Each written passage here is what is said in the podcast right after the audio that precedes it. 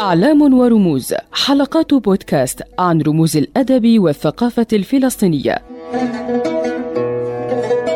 شخصيات صنعت تاريخا وحضارة من الشعراء والأدباء وحماة التراث. أعلام ورموز برعاية بنك القدس. أعلام ورموز حلقات بودكاست من إعداد وتقديم مراد السبع.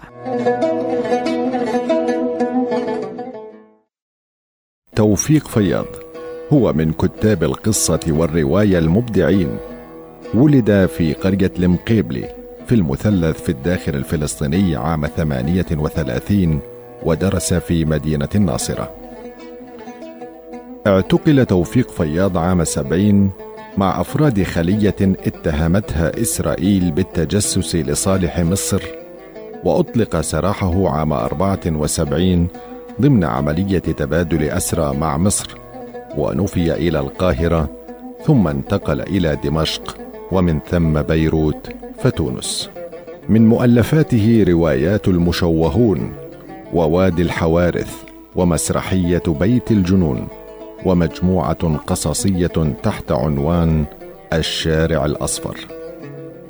وقد صدرت سلسلة الشارع الأصفر للمرة الرابعة عام 2004 وهي كما يقول عنها ضيف حلقتنا توفيق فياض. هذه القصص القصيرة تحتوي المأساة الفلسطينية بكافة أبعادها وتعبر عن ارتباط الإنسان الفلسطيني بأرضه واحتضانه لها بالرغم مما تتجرعه من علقم وما يتكبده من معاناة. بعد إطلاق سراحه من السجن وتسليمه لمصر بتبادل الأسرى بعد حرب عام 73 يقول عن تلك التجربة خرجت من وطني فلسطين عام 74 ضمن عملية تبادل لأسرى الحرب بين مصر وإسرائيل وكنت آنذاك في السجن.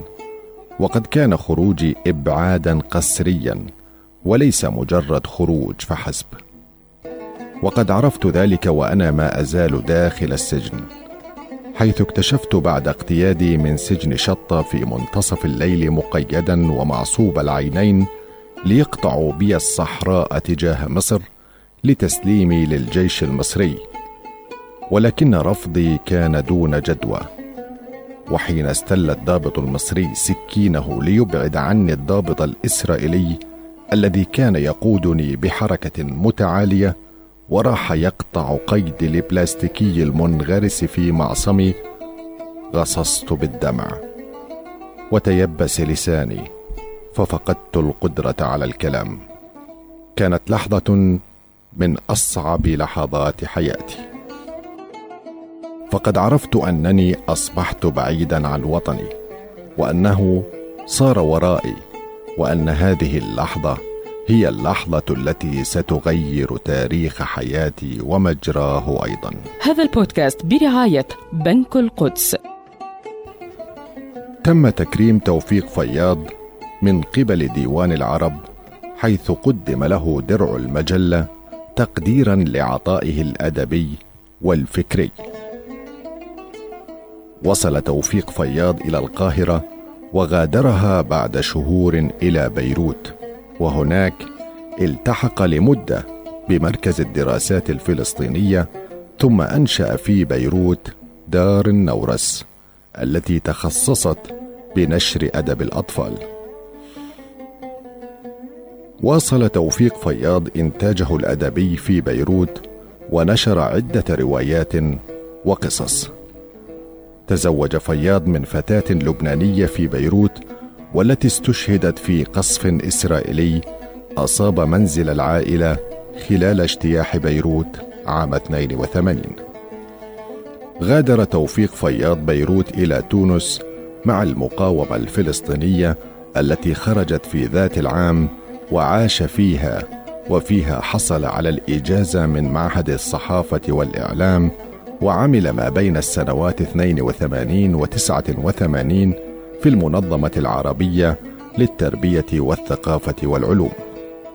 رغم توقيع اتفاق أوسلو عام 93 رفضت الحكومة الإسرائيلية السماح بعودته ما حدا به للتوجه للمحكمة الإسرائيلية والتي حكمت له بالسماح بالعودة إلى بلدته في الداخل المقبلة بعد فراق دام واحد وأربعون عاما. هذا البودكاست برعاية بنك القدس.